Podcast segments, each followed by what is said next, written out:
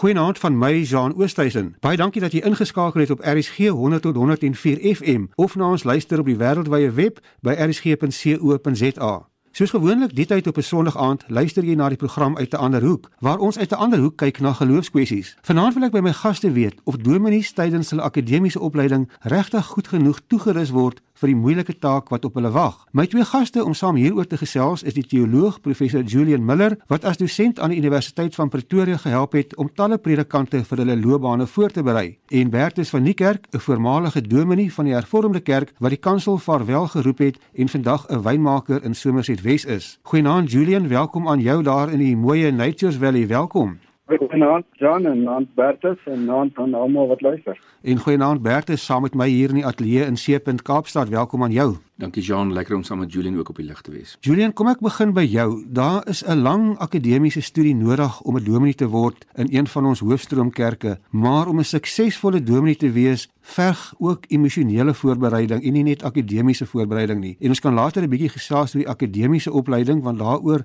is daar ook 'n groot debat. Maar wat dink jy, word dominees regtig genoeg voorberei vir byvoorbeeld die maatskaplike probleme wat hulle elke dag aan blootgestel gaan word? Ek dink so, ja, en uh, in 'n ander opsig seker ook nog verbeter, maar ek moet sê dat in die afgelope dekades daar groot veranderinge gekom het in die inhoud van die teologiese opleiding wat baie meer klem begin lê op hierdie aspekte wat jy nou na verwys. Toe ek daar gekom het by die fakulteit in die vroeë 90er jare, toe was daar 'n siening geweest nog 'n belangrike um, naam ek sal nou nie name noem nie, maar siening geweest onder die baie van die dosente wat gesê het ons gee net teologiese opleiding vir studente en as as iemand 'n goeie teoloog is dan is hy in staat om ook 'n goeie dominee te wees. Dis nie nodig om verder enige praktykopleiding te hê nie. Maar as jy daai standpunt gou verander en um, ons het begin om meer praktykgerigte opleiding in te bring en daar is so 'n ding ingevoer wat genoem word die gemeentejaar wat beteken dat die hele laaste jaar van 'n student in 'n gemeente uh, deurgebring word nie by die fakulteit. Hy kom net terug vir 'n paar weke na die fakulteit toe vir 'n uh, van refleksie uit die teologiese hoek uit.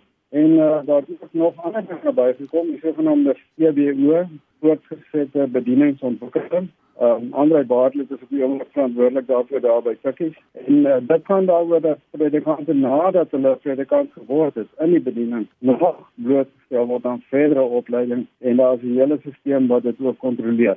So ek dink dinge het baie verander sedert binne maar 30 jaar gelede toe uh, hulle net 'n teoretiese opleiding gekry het. Nou is dit nie meer so. Bertus, hoe was dit in jou tyd? Kan 'n mens regtig waar iemand op universiteit prakties voorberei vir dit wat op hom wag wanneer hy regtig in die gemeente land? Ek was destyds was ek ek dink ek is 'n bietjie bevoorreg om in die begin te staan van hierdie praktiese opleiding waarvan Julie nou gepraat het. Ek het ook by Tikkies gestudeer en uh, professor Teens Dreyer was die hoof van die departement praktiese teologie waar ons uh, meer gemeentepreke gekry het as vorige jare se groepe en waar ons twee weke se huisbesoek moes doen. So ek het 'n beperkte blootstelling gehad aan praktiese opleiding binne gemeentes. Maar die tweede deel van jou vraag dink ek is dalk belangriker. Selfs al stuur jy 'n jong dominee om by 'n ander predikant te gaan leer of saam met 'n ander predikant te gaan werk vir 'n jaar lank, kan jy kwaliek iemand voorberei op moeilike situasies wat in gemeentes op hom uh, kan afkom en veral in gemeentes wat swaar geïndustrialiseerde gemeentes is moeiliker om in te werk is stadsgemeentes gemeentes waar daar nie so baie diversiteit is nie. En jy kan kwaliek iemand voorberei om op 'n myn ongeluk reg te kan reageer of om na gesinsmoord waar iemand moes begrawe het of 'n gesin moes begrawe het of goed waarop predikante afkom wat jy wat onmoontlik deel van opleiding kan uitmaak dit beteken daar is druk in die praktyk in die gemeentes waarvoor jy onmoontlik iemand kan voorberei. Dit moet 'n impak laat op die op die persoon. Selfs al is jy voorberei daarop of selfs al het jy wie gehad of wat gelees, die impak van in 'n gemeente staan en die skokbreker te moet wees vir wat binne 'n gemeente gebeur en maatskaplik in 'n gemeente gebeur. Die druk daarop kan jy iemand nie op voorberei nie. En ja, nog van dan, ja, dankie ook vir daardie aspek wat jy belig het. Uh, ek wil dit gebruik uh, as ons nog konflik met 'n vliegtuig. Miskien sal ons eendag daar weer kan vlieg. Uh, met 'n mens altyd die ding moet dat daar veel gesê word en voorligting gegee word oor wat jy nou moet doen as jy vliegtuig moontlik in die water sou land. En ehm uh, dan moet jy nou hierdie toutjie trek en dit doen en dat om jou uh, wat is dit die, die ding te laat opblaas sodat jy kan dryf ensovoorts. Nee, daar's 'n hele opleiding wat daar gegee word in die vliegtuig. Maar mens kan jou vir jouself indink as dit nou regtig gebeur, as jy nou daar in die see beland, dan met 'n klomp skills nodig en dan jy vinnig op jou voete by wyse van spreuke dink, dan wat swem Janie swem. Daar is dan min van daai opleiding wat jy gehad het wat regtig presies net so ter sprake gaan kom. En ek dink dit is hoe dit is met 'n beroep soos om predikant te word. Daar's baie ander beroepe wat soortgelyk is waar jy met mense werk en gemeenskappe werk. Daar kom gedurig krisisse, situasies na vore waarvoor jy nie 100% voorberei is nie. So jy het eintlik 'n baie breë algemene, ek wil amper sê 'n wysheidsopleiding nodig wat jou kan help in staat stel om op 'n volwasse wyse manier op te tree binne 'n situasie wat niemand ooit kon voorsien het soos ons op die oomblik beleef dink ek met die uh, pandemie en met die ingeperkte toestand. Julie, ek wil daar by jou aansluit en ook uh, Bertus se reaksie hoor. 'n Mens hoor dikwels van predikante wat uitbrand. Daar was onlangs weer 'n geval van 'n hervormde dominee van Carletonville wat sy eie lewe geneem het. En ek wil nou nie oor spesifieke gevalle bespiegel nie, maar hoe ernstig is die gevaar van uitbranding by predikante, Julian, soms tot so 'n mate dat dit selfs tot selfdood kan lei? Ek dink dit is regtig um, 'n moontlikheid. Dit ja, ons sien dit gebeur. Daar's baie stories wat mense hoor en gevalle waarvan mense kan vertel. Dit is nie 'n maklike verantwoordelikheid wat aan iemand gegee word nie. Is nie 'n maklike beroep om te beklee nie. Daar's baie eise wat gestel word en 'n samelewing wat gedurig besig is om te verander. Onlangs was die stuk van Dana Snyman wat te veel geword het team mos uh, beskikbaar en ons het daarna gekyk en daarin kan 'n mens nogal sien hoe dat die arme dominee se konteks net eenvoudig so verander het dat dit eintlik onder hom uitgegroei het en uh, dat daar heeltemal 'n nuwe amper paradigma skryf moet kom om en vir sy gemeentelede om te verstaan wat nou aangaan en hoe hulle nou moet optree. Wertes jy was 'n dominee in dieselfde gemeente in Carletonville waar die dominee onlangs sy eie lewe geneem het en weer eens wil ek nou nie oor spesifieke gevalle spekuleer, maar dit kan nie 'n maklike omgewing wees om in te werk nie of hoe hoe hoe lyk so 'n tipiese gemeente en waarmee word so dominee gekonfronteer? Ek wil vir Julie eers sê dankie vir sy verwysing na Dana se toneelstuk en wat ook 'n film geword het. Dana het nogal met my heelwat gesels voordat hy die toneelstuk geskryf het. So van die goed wat in die toneelstuk en in die film is, kom so van my verwysing as predikant af. Ehm um, toe ek in Carleton wil aankom, toe het uh, een van die ouderlinge vir my met baie groot deernis gesê, ek was toe 25 jaar oud. Oornag het die buurpredikant net sy goed gepak en geloop en dit nie eens ordentlik kennis gegee nie. En ek dink dit is as gevolg van moeilike omstandighede. Dalk was dit iets wat opgebou het op 'n punt en dan wil 'n mens later dan jy wil ontsnap van jou situasie, maar hoe ontsnap jy daarvan? En die ouderling kom sê toe vir my met baie groot deernis, ek was 25 jaar oud in my eerste gemeente. Hy kyk my so met met 'n sagte glimlag aan hy sê vir my: "Doom, jy lyk vir my soos 'n kat in 'n vreemde pak stoor." Nou jy voel soos 'n kat in 'n vreemde pak stoor wanneer jy in hierdie situasie blootgestel word. En ek het nadat die predikant in Carleton nou selfmoord gepleeg het, het ek nogal heelwat van my oud gemeentelede gehad wat ek baie goed ken, daad van hulle van voor my groot geword, van hulle voor my oud geword, wat my ook weer gebel het en vir my gesê het, "Wat maak ons nou in? Is dit dieselfde goed waaronder jy geleef het?" Ek moet net sê dat in die tyd wat ek daar was, ek was 16 jaar lank daar gewees. Was daar nie was daar nie een predikant in die die ring wat sy jare diens tot emeritaat met ander woorde tot op aftrede voltooi het nie. Daar was heelwat van hulle wat vroeg af is as gevolg van gesondheidsomstandighede, van sielkundige probleme, daad van hulle bedank en nie almal omdat hulle beter geleenthede op ander plekke gekry het nie, omdat hulle manier gesoek om daar uit te kom. En oor selfmoord wil ek net sê dit is 'n vreeslike ontstellende hartseer ding, maar daar's nie een of twee faktore wat aanleiding daartoe gee nie. Iemand moet werklik baie desperaat wees en geen ander manier uit sien nie. Ek het op Facebook geskryf ek het uit die kerk uit ontsnap en toe het iemand uit die kerk uit vir my geskryf hulle is baie ontstel oor wat ek gesê het want jy hoef nie te ontsnap nie jy kan gewoon loop. Dis nie so eenvoudig nie. Jy het 'n geweldige druk om te voldoen aan die eise en die verwagtinge van die gemeenskap. Daar word na jou gekyk asof jy immuun moet wees teen maatskaplike ekonomiese persoonlike sake. Mens moet onthou die dominee is ook 'n mens en die dominee het ook 'n vrou en hy het ook kinders, hy het ook ouers. Daar's nog 'n klomp druk binne in die pastorie wat jy nie eers durf sê vir iemand anders nie. Want die oomblik wat die dominee hierdie goed vir mense sê, dan voel hy hy word kwesbaar vir kritiek of hy word blootgestel of daar's van sy geloofwaardigheid wat hy inboet. Hy moet amper soos 'n tipe bo-menslike, 'n superheld, moet hy die een wees wat altyd glimlag, wat altyd 'n plan het om met die bazaar te doen, wat altyd die pannekoeke omdraai en die baba soen en wat nooit enige bekommernis in sy gemoed mag weerspieël nie. Geweldige druk. Julian, is daar genoeg hulp van synodes en ringe se kant om dominees by te staan en veral in armer en en kleiner gemeentes want aan die een kant is daar ryk makro gemeentes met baie dominees en dan kry mense aan die ander kant arm gemeentes waar een dominee al die werk moet doen. Kry daai dominees en daai gemeentes genoeg ondersteuning van sê maar die ringe en synodes dink jy? Ja, dit is 'n moeilike vraag. Die strukture is in plek dat dit kan gebeur. Nee, daarom word dominees georganiseer in ringsverband. Hulle het 'n broederkringe, so hulle is voorstel om mekaar gereeld te ontmoet en te sien en mekaar te help. Dit gebeur in die praktyk nie altyd so nie. Dit is ongelukkig maar so. Nee, dominees is ook maar mense. So nou is in plaas daarvan dat daar 'n ondersteuningssisteem is van die ringse kant af, is daar 'n kompetisie tussen dominees en wat nog meer groot druk op die op die predikant plaas. En sinodale kant af, ek dink daar word regtig baie moeite gedoen beide in die noorde daar in Pretoria en uh hier rondom Stellenbosch en by Wellington om voortdurende kursusse aan te bied en ondersteuning te organiseer vir dominees. Jy weet selfs ook op persoonlike vlak. Sien nou maar twee dominees beland in 'n situasie waar hulle nie 'n uh, probleem kan uitsorteer nie en daar spanning tussen hulle. Dan weet ek, is daar inisiatief dat sulke dominees geroep word en gevra word kom uh, sit saam vir 'n week lank en ons werk hierdie ding met julle saam deur. Daar is strukture in plek. Of almal daarvan gebruik maak is 'n ander vraag en of dit altyd werk in 'n praktiese klein gemeentesituasie of in 'n groot gemeente, dit is 'n ander vraag. Dit is 'n moeilike beroep en dit stel baie eise en mens kan amper nooit genoeg doen. Net uh, baie kortliks Bertus, nog 'n ding wat dikwels groot spanning by dominees kan veroorsaak en wat tot kerkpolitiek lei is uh, wanneer daar in kerkrade verskil is en soms kry mense die indruk dominees word op 'n subtiele manier afgedreig deur diegene in die kerkraad wat wil ek amper sê met die beursie rondloop of die meeste invloed het. Lei dit ook tot spanning? Ek was in 'n gemeente gewees waar daar nie baie boere was nie en die enigste boer wat kon beeste skenk vir die bazaar het gewoonlik 3 beeste 'n jaar geskenk en ek is elke jaar met die bazaar afgepers met daai 3 beeste. En die eerste ding wat gebeur wanneer die bazaar nie 'n spesifieke teiken wanneer jy 'n spesifieke teiken haal met die bazaar nie, die eerste plek waar die gemeente kan snoei aan uitgawes is die predikant se salaris. Julian Kerkrade, dit kan ook bydra tot spanning. Dit is 'n dis nie so maklik nie waar nie. Jy moet so amper so half van 'n politikus of 'n diplomaat ook wees lyk like my as jy 'n dominee is. Presies ja, werk nie in alle kerke op dieselfde manier nie, maar in ons twee kerke van wat nou hier verteenwoordig is in Bertus en myself, dis nou kerke wat 'n klein net daar dat gemeente selfstandig is en op hulle eie funksioneer. So Elke gemeente het sy eie finansies. Dit beteken eenvoudig dat dit ook soos 'n besigheid bedryf word. Dan die dominee as nou die geestelike leier, maar baie maal ook die finansiële leier en in baie opsigte moet hy leiding neem.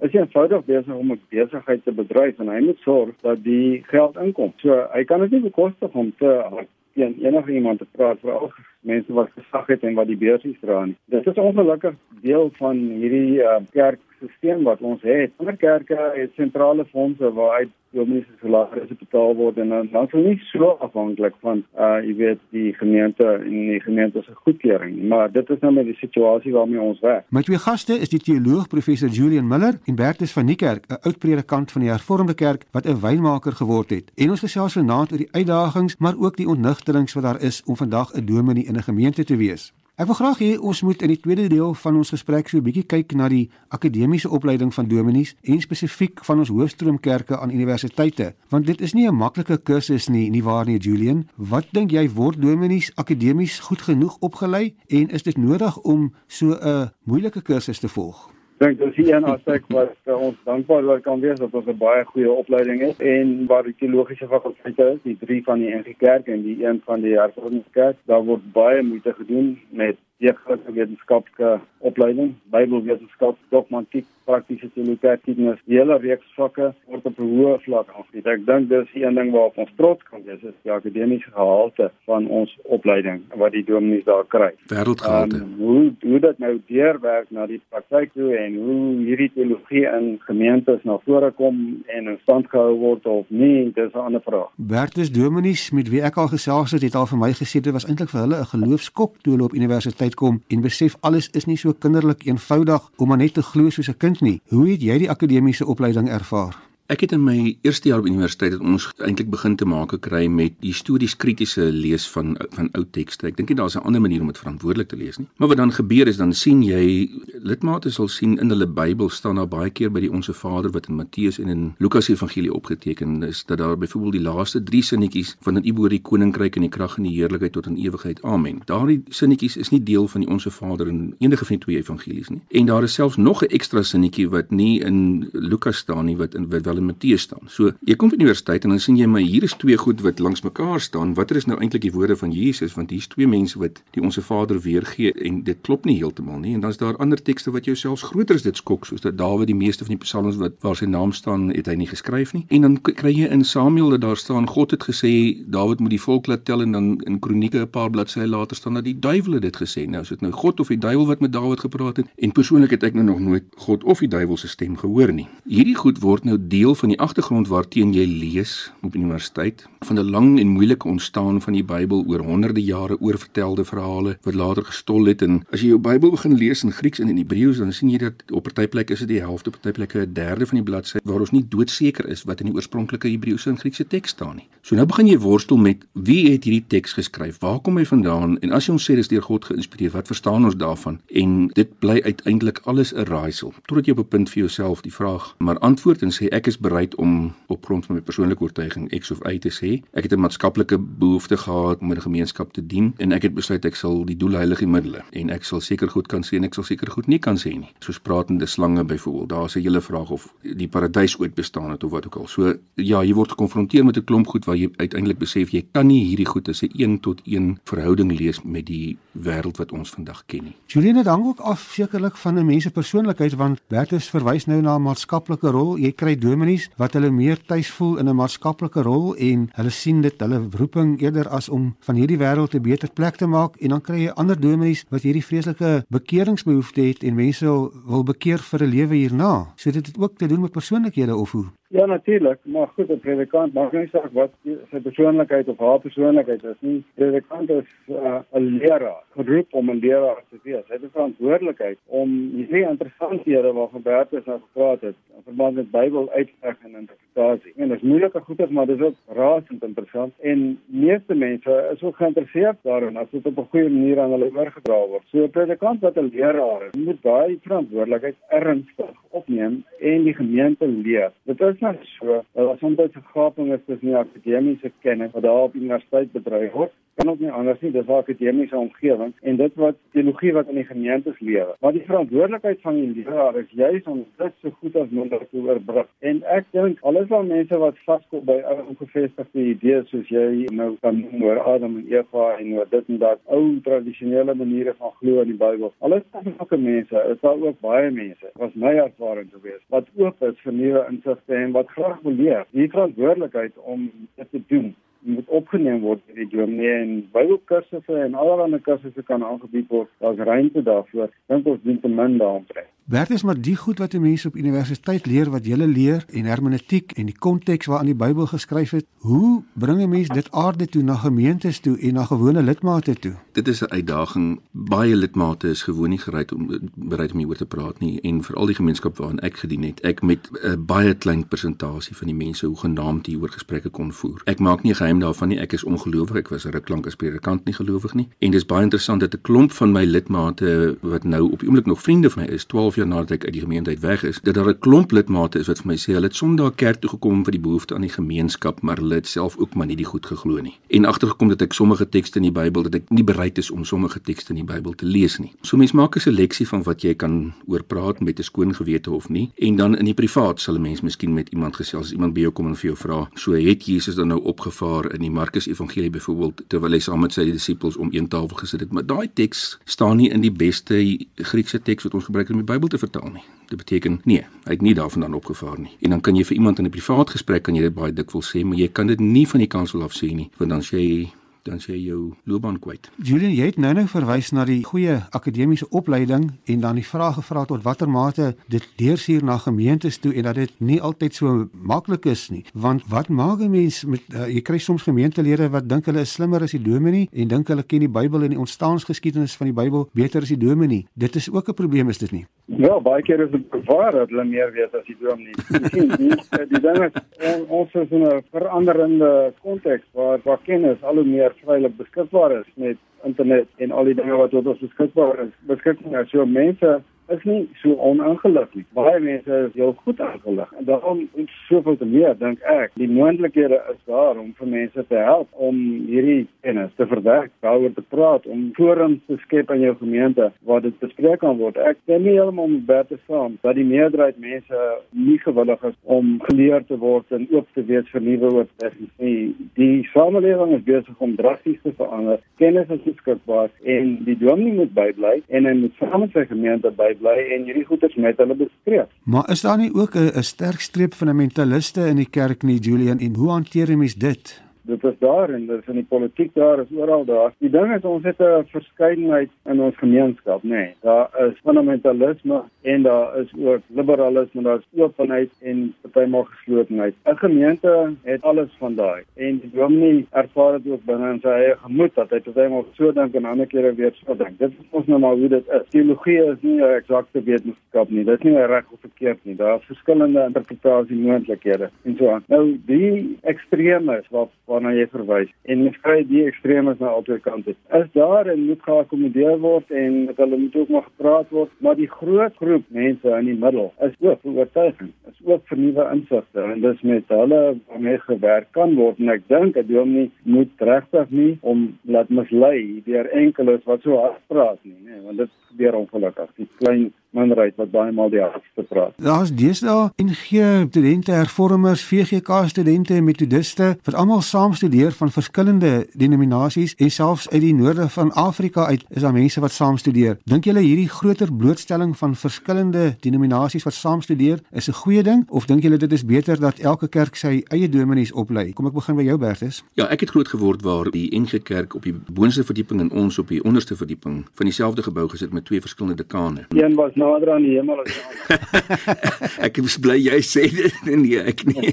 Ja, so ons was baie meer bewus van die membrane wat daar amper tussen ons dink nie ons gaan na verskillende hemele toe nie regtig, maar ons was baie bewus van ons maak so, julle maak so en dit ons amper in geïsoleerdheid en ons het gedink ons gaan ons teologie ook eendag geïsoleerd beoefen totdat jy in 'n gemeente kom en kom jy agter ek is een hervormde dominee drie NG dominees, daar's nog ouens wat heeltemal anders dink as ons ook en ons moet almal saam min of meer op die skool se verhoog byvoorbeeld gaan klim of by 'n sportbyeenkoms kom. So ons moet mekaar gaan ontmoet. Julian, daar's natuurlik ook 'n skool van denke in die kerk by meer behoudende lidmate wat sê die probleem lê juis by die opleiding van dominees en dat die universiteit dit liberaal is, dan is daar al hoe meer sprake by 'n sekere groep mense dat daar 'n soort van 'n die kerk moet sy eie seminarie en sy eie opleiding kry. Hoe belangrik dink jy is hierdie blootstelling aan ander vakdissiplines Ek kom net uit my eie persoonlike ervaring met praat hierso. Toe ek by die fakulteit gekom het in die vroeë 90er jare, toe was dit 'n NG Kerk fakulteit op een van daai verdiepings waar Bertus na verwys. En met die tyd het dit verander. Ons het uh, een fakulteit geword saam met die Hervormde Kerk. Met die tyd het die Presbyteriaanse Kerk by ons aangesluit. Ander kerke het aangesluit. Nou is daar 'n tiental kerke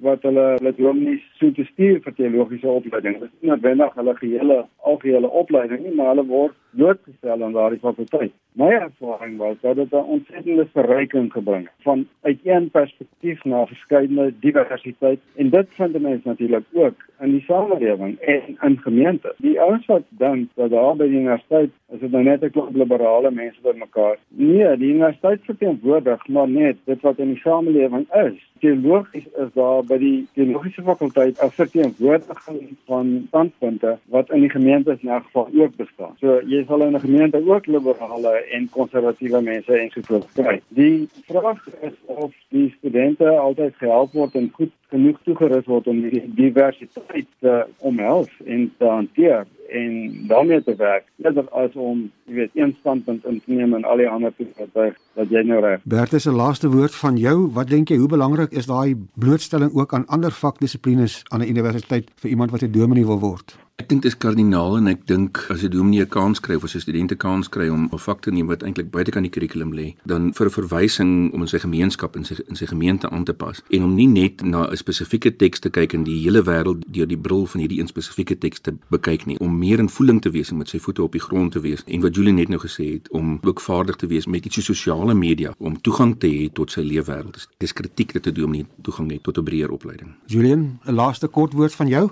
Ja, ek dink om 'n dominee te wees is 'n uitdagende taak, maar dit is ook 'n ongelooflike bevredigende werk. Dit is 'n voorreg wat iemand het om in 'n gemeente te kan staan en vertrou te word deur die mense en om te verwoord wat hulle in hulle harte dra en beleef en aan die ander kant ook te help interpreteer aan wat die betekenis van die Bybel en van die teologie dan is in 'n tyd soos hierdie. Ek is positief daaroor en gelukkig is daar ook baie jong dominees wat hierdie dan aangryp en wat dit ook goed doen. Ons tyd is ongelukkig verstreke en hiermee moet ons groet. Baie dankie aan my twee gaste, Emeritus Professor Julian Miller en oud-predikant Bertus van Niekerk, 'n wynmaker van Somerset Wes, wat dalk beter bekend is as Osbloed. Baie dankie vir julle deelname vanaand. As jy wil kommentaar lewer, kan jy vir ons 'n SMS stuur na 45889 of jy kan saamgesels op ons Facebookblad uit 'n ander hoek waar ek na die tyd ook van die SMS'e sal plaas. My e-posadres is jean@oosthuizen@gmail.com. Baie dankie dat jy saam met ons gekuier het vanaand. Ek hoop jy geniet die res van jou Sondag aand in RSG se geselskap. Van my Jean Oosthuizen, totsiens tot volgende week weer net hier op RSG. Goeienaand.